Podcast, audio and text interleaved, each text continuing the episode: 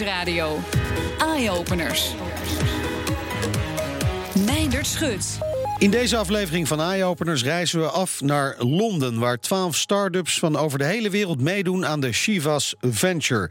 Een prijzenpot van een miljoen dollar wordt verdeeld over de innovaties... met de meeste sociale impact. Collega Carlijn Meinders die sprak met enkele van de kandidaten... waaronder Valentina Longobardo uit Italië met haar Vega. Wil ze wijnafval gebruiken om kleding mee te maken. We are turning wine waste, that is to say, the grape skin, stalks, and seeds that remain after crushing the grapes during wine production, into a bio based leather for fashion and a variety of different applications such as furniture, automotive, packaging, labels, and so on. How big is this well waste problem when it comes to wine? Yes, uh, we have a big waste problem because uh, in the world, uh, about uh, 7 billion tons of, of, wine waste are produced every year. And it's really a problem because uh, the most of grape mark, the most of wine waste is landfilled or incinerated, and it generates carbon dioxide. So it's very bad for the environment. It's bad for the environment and it can be used for other things. Yes, we can use to make very beautiful things. And today I'm wearing a jacket made out of wine waste. Really? Is this one? Can yeah. I feel it? Yeah. Oh, that actually feels just like leather. Yeah, it feels it feels just like leather, but we are uh, improving our material because there is a lot of R and D in our process, and we are just trying to make this leather compatible for the different applications. For now, we have a version that is compatible with fashion, uh, footwear, and so on. But we are still working. We need to improve. yeah, you have joined this competition. Yeah. Basically, to to make it through the next step. Yeah. What What is the biggest challenge? Uh, to uh, uh, commercialize the business because now we are producing on an industrial scale, and the next step is will be commercializing uh, the the product. And we we we already have many contacts in the fashion industry. We have some pre-orders, and we are going to close our first contracts within the next months. How hard is uh, the production process? We are partnering with, with a distillery uh, with, uh, that is providing the raw material, and we, have, we, are, we are also partnering with a textile company that is producing synthetic leather at commercial scale. So we use um, already existing machineries that just need to be adjusted for our production process. It must not be easy to use wine waste in, in machines like No, that. You must change a little bit. Yeah, we, we use patented physical and mechanical treatments on uh, on wine waste, and then we make a bio-based compound uh, that, which is liquid and that we can spread on a backing textile. So the process is quite similar to the synthetic leather production. This is why we didn't have to build our own plant and this makes so much sense because uh, it allows us to keep costs down and to rapidly scale the production. Nieuwsradio. Schut. En van kleding gemaakt van wijnafval gaan we naar de winnaar van vorig jaar, wiens leven drastisch veranderde na het binnenhalen van de grote prijs. Met de investering die hij daarmee binnenhaalde, kon Kemal Ezal uit Engeland honderden andere levens beïnvloeden. Met zijn Change Please helpt hij namelijk daklozen wereldwijd aan werk als barista. Our project is trying to solve homelessness. So we all walk past people every day in the streets who are homeless, and we don't know what to do. You know, do you give somebody money? Do you not give them money because they might spend on drugs and alcohol? Our project is to provide a solution for homelessness by giving people employment.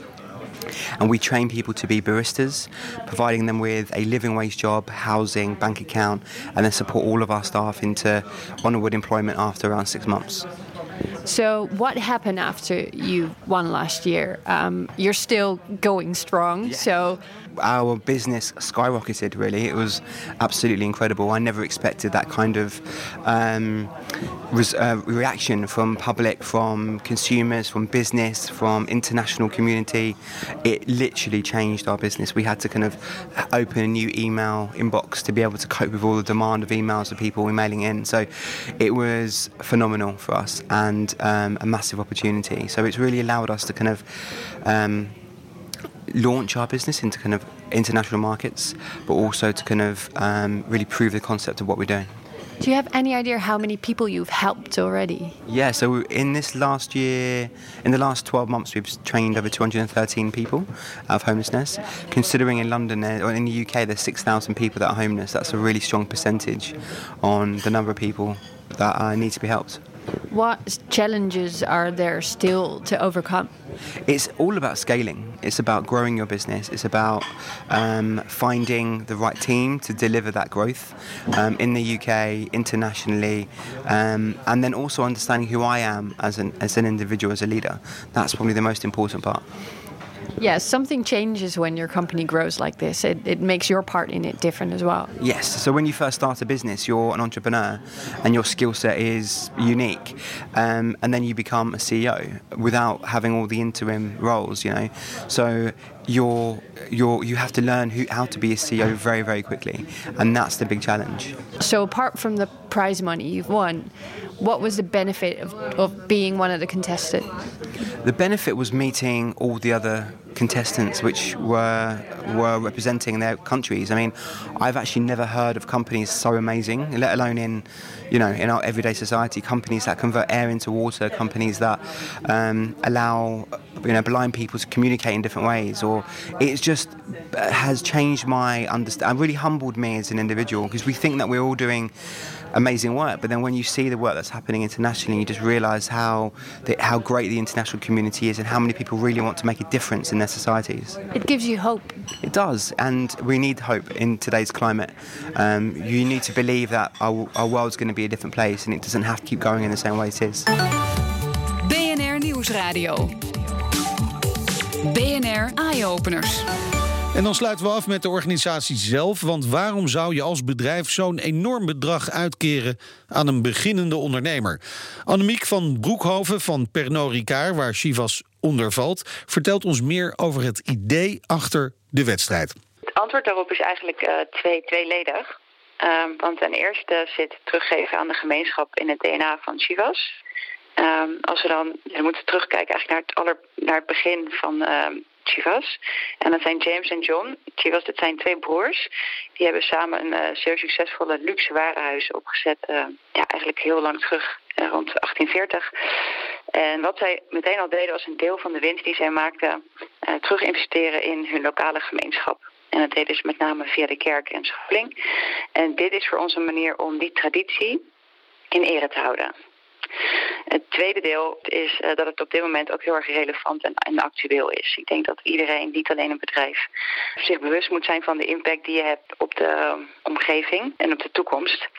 En ik ben dan heel erg benieuwd, uh, zien jullie ook verschillen in wat voor soort kandidaten dan in die finale terechtkomen? Ik had het idee dat er dit jaar best wel ja. veel tech tussen zat, bijvoorbeeld. als ik kijk naar bijvoorbeeld de aanmeldingen die wij binnen Nederland hebben gehad, was het ontzettend divers ook wel een heel groot deel tech. En dat misschien dat komt doordat we uiteraard vorig jaar een samenwerking hadden met de Next Web Conference. Waar de focus natuurlijk ook op tech ligt. Um, dat dat dan toch een beetje, dat je dat doorziet zijpelen in de inschrijvingen van de, van de volgende jaren. Maar ik denk dat het overal ook gewoon een trend is. Dat tech wordt steeds belangrijker. We weten wie er nu uiteindelijk dus in de finale zit van Nederland. Maar waren er nog andere projecten die, die, uh, die je heel erg geïnspireerd hebben? Eentje die ik ook heel erg, uh, heel erg gaaf en interessant vond, is uh, een bedrijf dat bezig was met dynamic pricing. En dat dynamic pricing dat ging dan helemaal zeg maar, vanaf het productieproces tot aan de supermarkt. En zij zaten dan met name in de supermarktkant.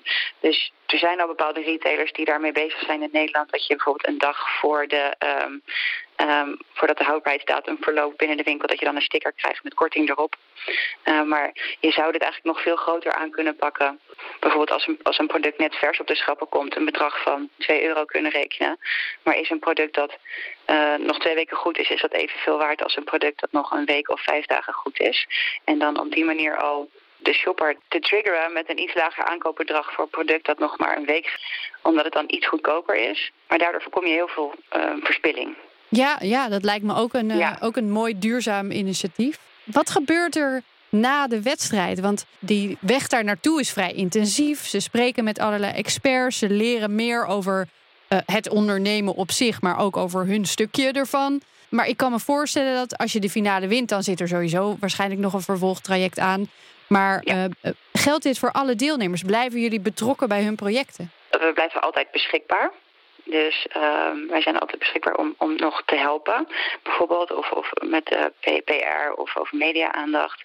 Uh, en de connecties die wij inmiddels hebben. Want het US Venture wordt al sinds 2014 georganiseerd. Dus um, er is al een behoorlijk breed netwerk opgezet. Uh, waar wij graag um, mensen elkaar in, ja, in verbinding brengen. Maar in principe is de funding die wij geven is no strings attached. Dus er zijn geen voorwaarden aan uh, hoe zij dat geld bijvoorbeeld investeren. Daar hebben we het wel van tevoren over.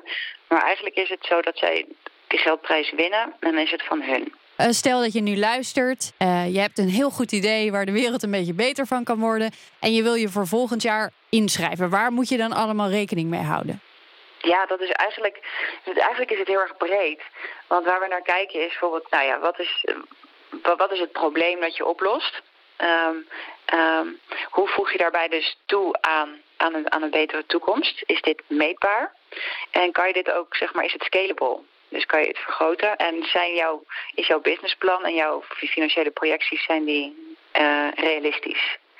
En dat zijn eigenlijk de enige criteria die we hebben. Dus je moet een winstoogmerk hebben, dus het kan geen stichting zijn.